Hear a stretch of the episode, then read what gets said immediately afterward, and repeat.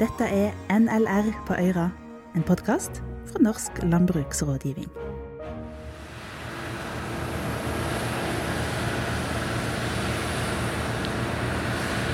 Du sitter på trøskelen og gylden, tørt korn fosser inn i tanken. Men som kornbonde er du kanskje ikke vant til at pengene fosser inn på kontoen på samme måten. Jeg heter Morten Livnengen, og du hører på NLR på øret, en podkast fra Norsk landbruksrådgivning.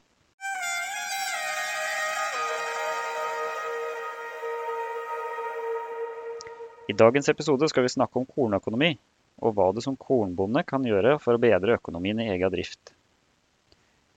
Med oss til å diskutere dette temaet har vi fått rådgiver i NLR Øst, Lars Kjus. Velkommen, Lars. Takk for det. Men du er jo ikke bare økonomirådgiver, du er òg mer enn det.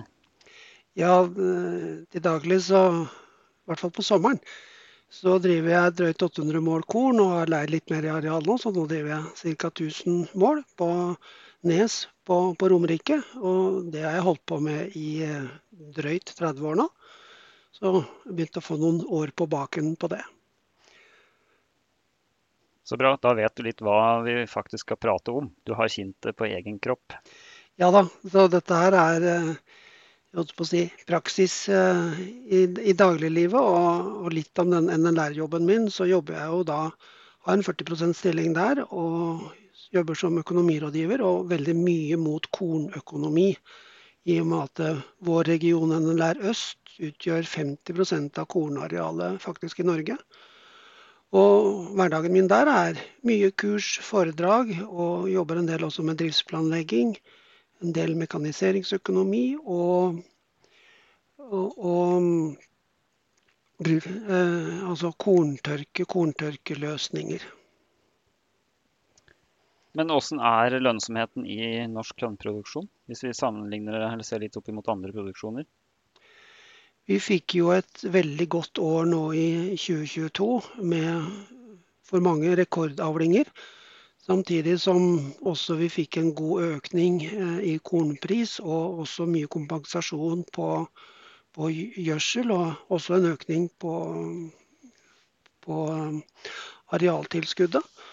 Som har gjort at det har blitt et godt år. Og når jeg regnet og satte inn tall i forhold til 2021, så sier jeg at med en byggeavling på rundt 500 kg, så bedret dekningsbidraget seg med ca. 350 kroner per dekar. Men, Ja. men det er klart, det har kommet en del faste kostnader som har økt også betydelig i forhold til det vi ser rundt diesel, og, og generelt også veldig mye dyrere maskiner. De har økt mye. Men hvilke faktorer er det da som påvirker økonomien i, i, i korndyrkinga? Nei, sånn røflig og litt sånn flåsete så sier jeg at det er tre ting som er viktig. Det er én å ta gode avlinger. Og det andre det er å ta gode avlinger. Og da kan dere kanskje tenke dere hva det tredje er. Men uh, da tenker jeg faktisk på mekaniseringskostnader. Og det er ikke bare, bare traktor og maskiner og tresker, men også mekanisering rundt kornhåndtering, kornlogistikk etterpå. Altså korntørker, hvordan det er løst. Det går an også å bruke masse penger på uten at man nødvendigvis blir noe rikere som kornbonde på det. Går det an å si noe generelt om hvilke prinsipper som gjelder her for å kunne ja, si, gjøre det billigst mulig, men å tjene mest mulig penger? Nei, dette her med, med avling, det er jo den, å være den dyktige agronomen hele veien. Uh, sørge for at uh, jorda di er i orden, både i forhold til pH uh, og også riktig gjødsling hele veien. Følge opp rundt plantevern. Men også dette her med jordstruktur er blitt veldig viktig. Det er, liksom, det er jorda som er basisen din for, for, å ta gode avlinger. Og så sier jeg også litt sånn flåsete, da, men at den dyktige bonden har mer flaks med været. Og I det så ligger det at han planlegger godt, er i forkant, vet hvilke utfordringer som kan komme, og takler derfor dårlig vær bedre enn den som er litt på hæla. Klarer vi å hente ut potensialet i de sorte, eller det sortsmaterialet vi har, i de kornarter vi dyrker? Både ja og nei. Vi ser jo da at de sortene vi har eh, i, i, markedet i dag har et enormt potensial for å, for å gi gode avlinger. Før så sa vi at 1000 kg på målet det var bare sånt vi hørte om i Skåne i de aller beste områdene. Men nå ser vi at det, det er mulig også uh, oppi her i Norge. Og vi har liksom bygge- og havreavlinger på 900 kg og høstraps på 500 Så her handler det i veldig stor grad om å, å tilrettelegge for veksten gjennom en hele vekstsesongen, og, og ikke ødelegge for seg sjøl med, med pakking og, og sørge for god etablering. Det er klart at eh, de beste avlingene, da må vi ha været med oss også, da. Det kommer vi ikke utenom. Det er tross alt en utendørsidrett vi, vi bedriver her? Ja, definitivt.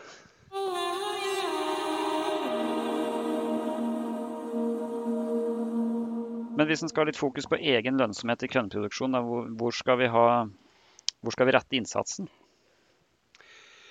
Nei, det, jeg sier litt at det, en god å, si, å komme godt ut på hoppkanten, da, hvis vi skal være der, i dette her med å få alle kornene til å spire samtidig på våren, det er en, en viktig sak. Dette her med å, å, ta vare på jordfuktigheten på våren, få korn i riktig i dybde, sånn at samtlige korn spirer samtidig. Da har vi lagt et godt grunnlag for å kunne høste riktig. og og også dette her med å få en lettere innhøsting fordi at alt kornet modnes med større sannsynlighet samtidig, enn at noe korn må vente på at den første regnbyga skal komme for at det skal spire. Du var jo litt innom det innledningsvis her med dekningsbidrag og variable kostnader, som jo gjerne er knytta sterkt opp mot produksjonsomfanget, hvis vi tenker gjødsel og plantevern. Men de faste kostnadene, eksempelvis maskiner, hva kan vi gjøre her?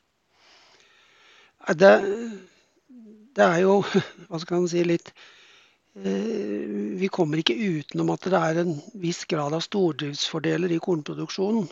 Fordi at eh, en tremeters kombisomaskin den kan gå på 500 mål, men den kan også gå på 1500 mål. Og dette her med å få et stort areal, så stort areal som mulig bak hver, eh, hver maskin er, er viktig. Sånn at vi ikke overdimensjonerer og, og har for mye. Og, og, også vurderer om man skal i større grad leie inn spesialmaskiner hvis man ikke er for stor. Ser jo det særlig sånn muligheten nå for, eh, for eh, variabel tildeling på gjødsel. Der mange ikke har utstyr, og der er en operasjon som med fordel kan mange kunne ha, ha leid inn og fått et vesentlig bedre resultat Enten da med noen som har N-sensor, eller å ta ut styringsfiler via Atfarm, som nå også kommer til å være fritt i, i 2023. Man kunne kanskje tenke at det ikke ble noe morsomt å høre på oss noe mer etter at vi har pratet om maskinkostnader, men vi kan jo driste oss likevel. Hvis vi ser litt sånn på, Det kan hende det er et eget tema, og leasing kontra kjøp, men hva tenker vi der? Eh, for kornprodusenter så er jeg i utgangspunktet veldig skeptisk til, til leasing. Og, og, det er at eh, kostnadene ikke kan variere nesten i noen grad. fordi at en, en, årlig kostnad den er fastsatt. Men hvis man har kjøpt maskinen, så har man muligheten til å skrive av 20% men man kan også la være å, å skrive av noe som helst. Og dette er viktig både for store og små produsenter. Dette her med å ha inntekt hvert år for å kunne utnytte jordbruksfradraget, og særlig da den lave båndtrinnet der, men, men, også videre å, å, klare å utnytte det videre oppover mot fullt jordbruksfradrag.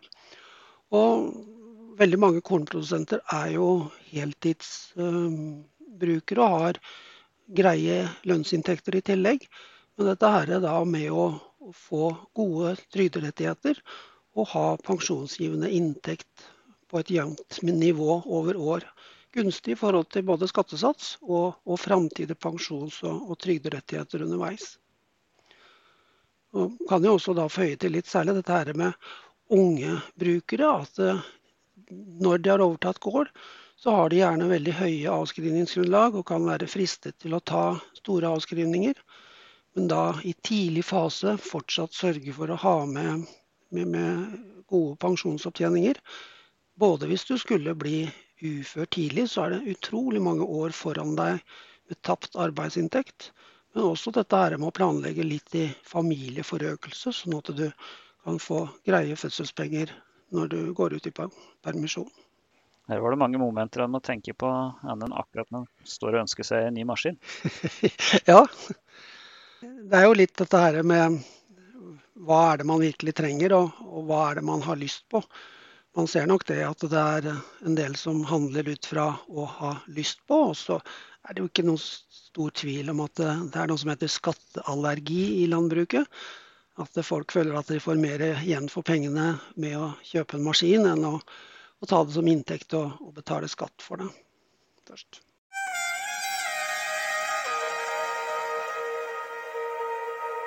Men tenker du at en vei til å, å redusere de faste kostnadene, spesielt maskiner, maskinsamarbeid, da? Du var litt innom å leie inn tjenester, men sånn type maskinsamarbeid, har du noen erfaring med hvordan det kan fungere?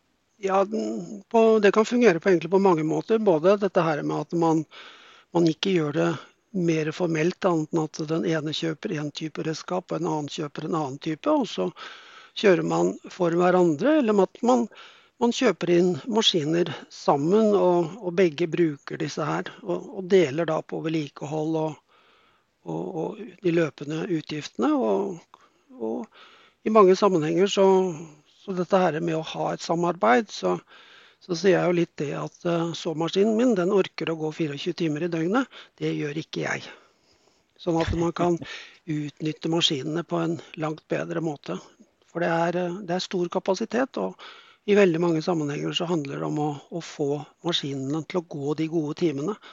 Og da, da har vi mennesker en større begrensning enn maskiner. Når vi nå har eh, kjørt maskinen vår så vi har fått uh, høsta det kønnet vi har sådd, uh, når skal vi, når skal vi selge det? Er det et enkelt svar på det? Det er ikke noe entydig svar på det. Men um, dette handler litt om likviditet for mange. Og sånn som det er nå, så er det røftlig 20 øre forskjell på prisen, noteringspris på høst kontra noteringspris eh, etter jul. Og oppi dette her så er det jo noe som heter nyttårseffekten. Altså dette her med du får beholde momsen litt lengre. Du får eh, for enkelte, litt avhengig av skatteposisjon, så får man eh, også noe redusert eh, formue. Man får litt større skjermingsgrunnlag, enkelte kan. Og, og dette er med muligheten for, for, utsatt skatt. Om man velger å levere på før jul, eller på høsten, eller etter jul.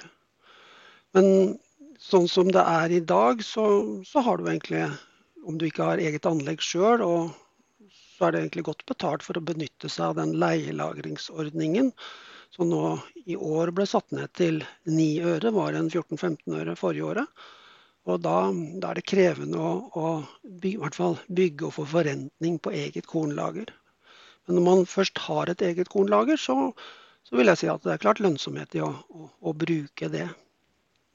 Men uh, dette handler veldig mye om hvordan du klarer å få logistikken til å gå godt på høsten. Sånn at uh, får gått de gode timene, at du får unna korn etter hvert som det blir modent og, og er, blir produsert av treskeren, kan du si.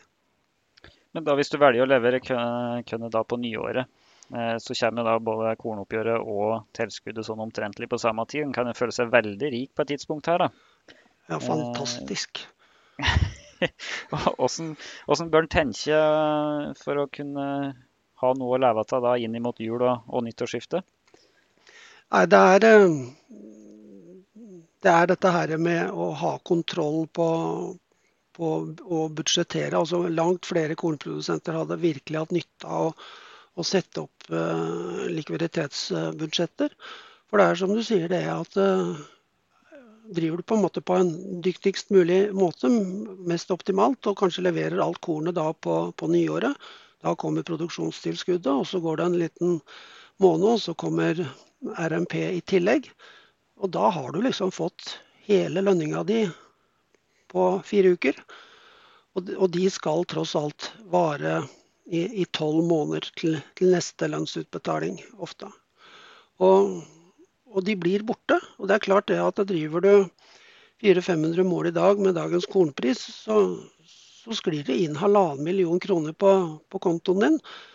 Og det er klart at uh, uten styring og uten å vite konsekvensene, så hm, hva kan jeg bruke halvannen million på? Dette må, jo, må vi jo finne på noe. Og det er jo litt sånn fortsatt at 10.4 eh, bør jo ikke komme som noen overraskelse på noen.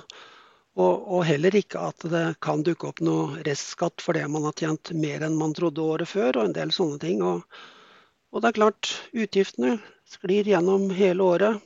Og, og ha da kontroll på hvor mye man faktisk kan ta ut til privaten også. Hva gir gårdsbruk av overskudd?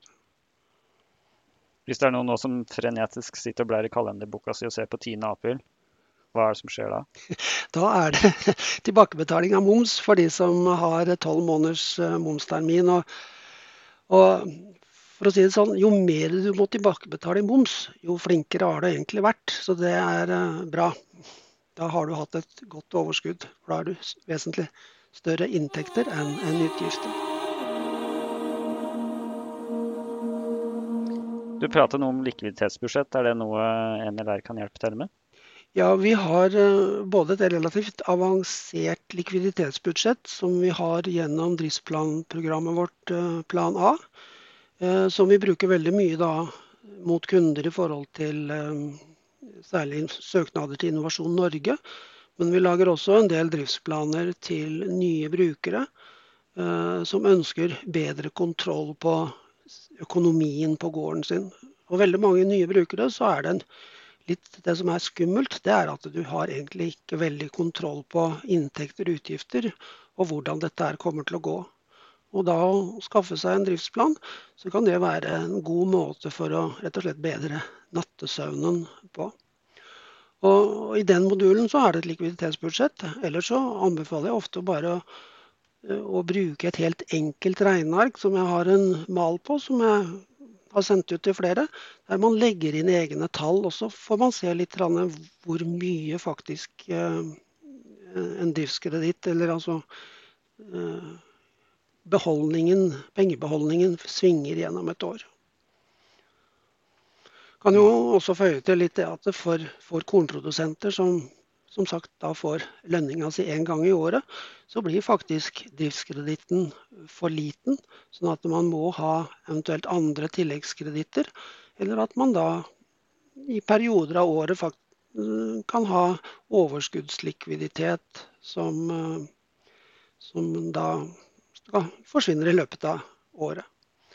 Og for enkelte så kan jo en løsning rundt et rammelån, gårdskreditt, være en ålreit løsning og eh, ha noe av pantegjelden på det. Men samtidig, jeg sier veldig klart at disse rammelånene, pant, eller gårdskreditten, krever veldig stor grad av økonomisk styring. For det, at det er ikke alle som tåler å se at ledig bevilget eh, på lånet, det er halvannen million. Og igjen så er det liksom sånn hm, Det kan jeg jo kjøpe meg en ny traktor for. Så, så kontroll, styring, utrolig viktig. Men samtidig, hvis man da har en gårdskreditt, så, så, er man egen banksjef og kan, den kan svinge vesentlig mer opp og ned da enn en et eh, vanlig driftskreditt kan. Jeg hører nå når du prater at det er eh, en liten del som på en måte kan være sånn tilpasninger og justeringer du kan gjøre som kornbonde, men det virkelig store løftet her, eller store muligheter for eh, god økonomi i kornproduksjon, er jo å være en dyktig agronom. Ja, opplagt.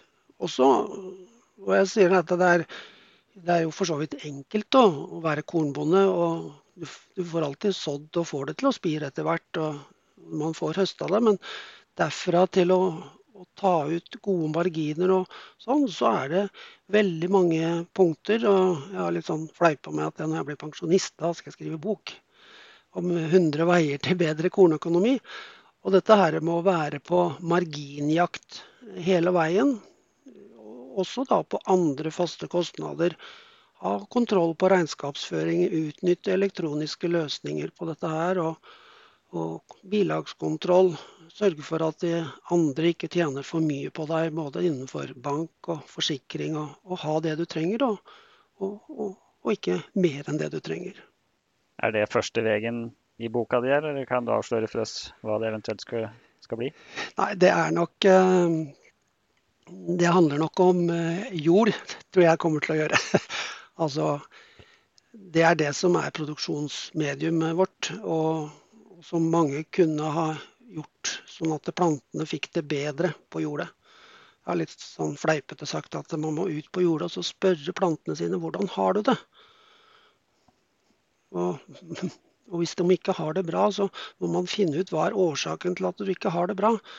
Så er det sånn hva kan jeg som bonde gjøre for at du skal få det best mulig og kaste best mulig av seg. Du har jo brukt eh, gården din som eh, eget forsøksareal òg. Vi kan jo prate litt om det. Eh, med interesse og for å kunne gjøre det best mulig sjøl, antagelig. Kan du forklare oss litt om opplegget ditt? Ja, det begynte jo faktisk i 1999. så eh, Da RMP-ordningen kom med tilskudd for å ha arealer i stubb. Og så har jeg jo en bakgrunn fra Ås med en hovedoppgave på redusert jordarbeiding. Så jordarbeiding lå meg hjertet nært. Og da ønsket jeg å se litt på hvilke muligheter det er, og hvilke avlingsutslag man kan få da med å, å ha arealer i stubb. Og da rundt dette her med vårpløying, direktesåing og, og vårharving. Og, og, det feltet da med direktesåing det har jo ligget da på samme sted nå i snart 3-24 år. Og så sånn sett så ser jeg at jeg var veldig tidlig ute med faste kjørespor. For det var ganske greit å finne igjen de kjøresporene på, på det direktesådde. Og har kjørt da en bredde på 12 meter som var sprøytesporbredden min til å begynne med. Og så har vi bytta sprøyte til 15 meter, så da måtte vi justere litt. Men jeg har fortsatt 12 meter på det direkte såddet, og så er den 300 meter sammenhengende bortover. Så har da landbruksrådgivninga vært der og tatt avlingskontroll hvert eneste år i, i hele perioden. Og Resultatet av det, sånn kortversjon, det er jo at eh, det er bare noen få kilo i forskjell mellom vårpløyd, direktesådd og, eh, og vårharvet. Når vi da summerer over alle år. Så veldig likt. Og det som da gjør det største utslaget, det er jo rett og slett arbeids- og maskinkostnaden man har med å pløye kontra å kunne direkteså. Og feltet er jo direktesådd med en rapid hele veien. Og jeg har jo lurt flere ganger på om jeg må gi opp etter bra avlinger og mye halm etterpå, men det har gått utrolig bra. og halmen blir etter hvert borte. og Man får en helt annen struktur i topplaget når man da har kjørt uten jordarbeiding over mange år. og Skorpeproblematikken er jo helt borte, mens det er vår, vårpløyer faktisk en del år må reddes med skorpegrytning. Fordi du får slem, slemming på toppen og dårlige spireforhold. Hva slags uh, jordarbeidingsmetodikk er det du sverger til utafor det forsøksarealet? Um, jeg har eh, stort sett hatt veldig mye arealer i, i stubb. Eh, og der har jeg harvet grunt eh, på våren. Fordi jeg ser det at det, du får litt høyere jordtemperatur, og så får man en litt sikrere etablering i forhold til halmen, sånn at man får det mye jevnere. Så man vinner en dag eller to i forhold til tresking etterpå. og, og tar ned risikoen i, etablering og hele produksjonen, egentlig. Eller så bruker jeg også å ha en del areal som jeg har høstharvet. Som, um, for å ha noe å begynne med våronna med, så man slipper å gå og vente altfor lenge før man begynner.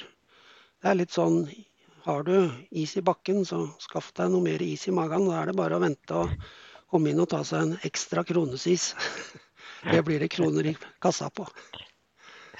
Ja, det var bra sagt. For Hvis en tenker litt eh, de tre metodikkene du beskrev i forsøksfeltet ditt, hvilke krav stiller det til agronomen? Eh, jo mindre jordarbeiding eh, du gjør, jo mer kreves det agronomen. For det jeg legger ikke skjul på at det går an godt å mislykkes med både direktesåing og, og vårharving, og også vårpløying, særlig da når leirinnholdet begynner, begynner å, å, øke. Så det handler veldig mye om å kjøre når jorda er, er laglig.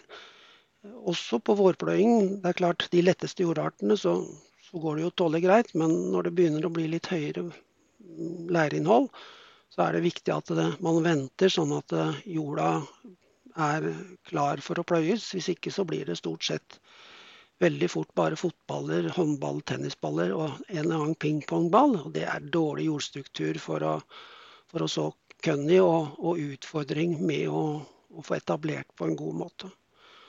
Så når jeg har jordarbeidet feltet her, så har jeg som en veldig klar målsetting at det skal være sådd innen 24 timer for å, å ta vare på, på, jordfuktigheten. Særlig når det blir litt leirinnhold. Og feltet har jo da ligget på, på lettleire og også mellomleire.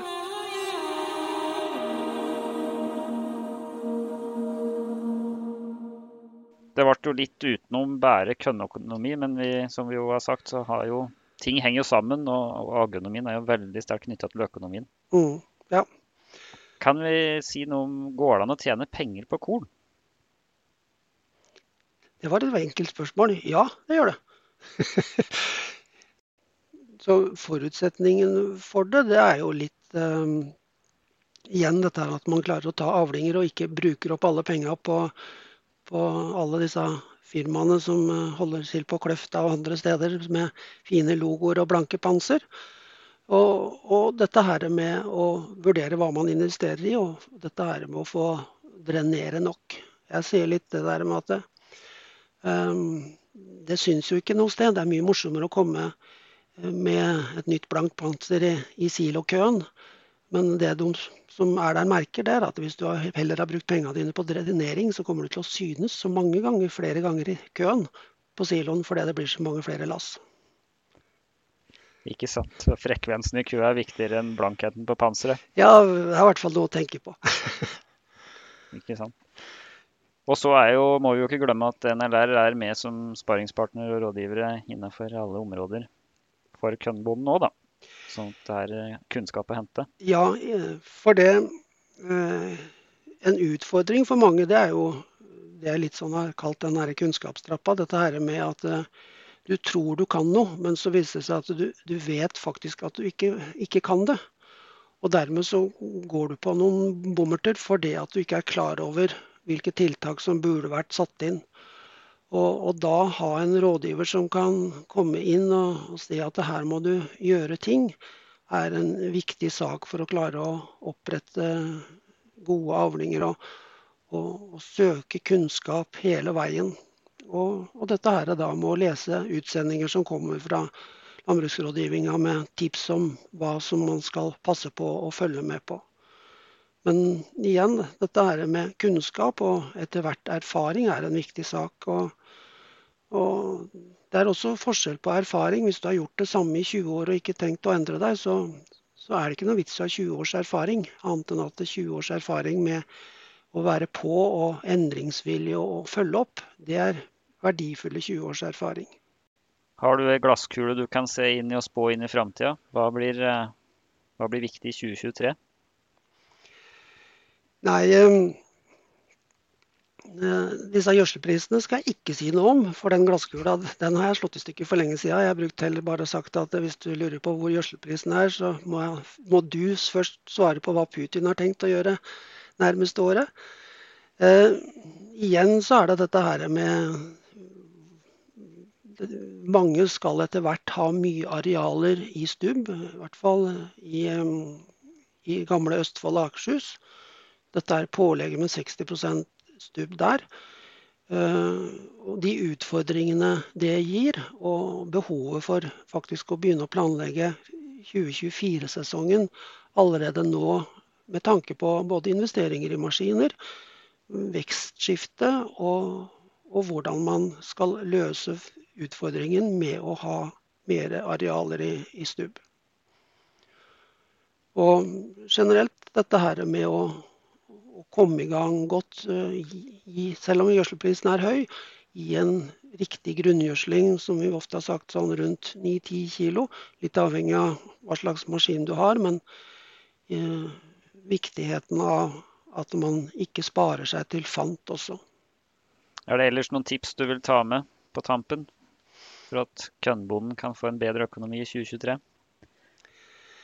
Nei, Det er vel litt uh, å være på hele veien. Og dette her med å ha god nok likviditet, faktisk. Sånn at man kan gjøre innkjøp til riktig tid. Man kan levere kornet til riktig tid. Sånn at man ikke blir sjakkmatt for å gjøre optimale tilpasninger. Og jeg ser nok det at det er en del som gjør eh, relativt store investeringer eh, som skal gi avkastning på lang tid. Tar de på veldig korte kreditter, om det da er å lease en tresker eh, eller låne på en tresker for, på veldig få år, som, som har en høy verdi over lang tid. Om det er drenering også, som er en investering som skal kaste av seg i 30 år.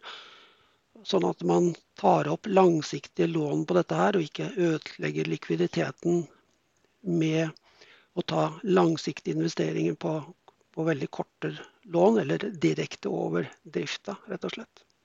Og trenger en flere råd, så må en da bare kontakte rådgiver i Norsk landbruksrådgivning?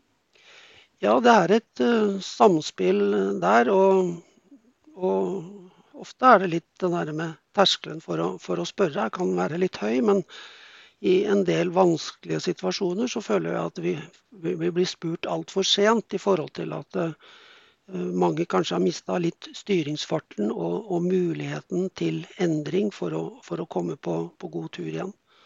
Men dette her må også være aktivt med og være med på markdager og, og følge opp disse her nyhetsbrevene som kommer i vekstsesongen. Og hvis du lurer på noe, ikke lur. Skaff deg noen til å hjelpe deg med å få et svar. Da ønsker jeg deg en god vekstsesong, Lars. Jo, tusen takk for det. Dette er NLR på Øyra, en podkast fra Norsk landbruksrådgivning.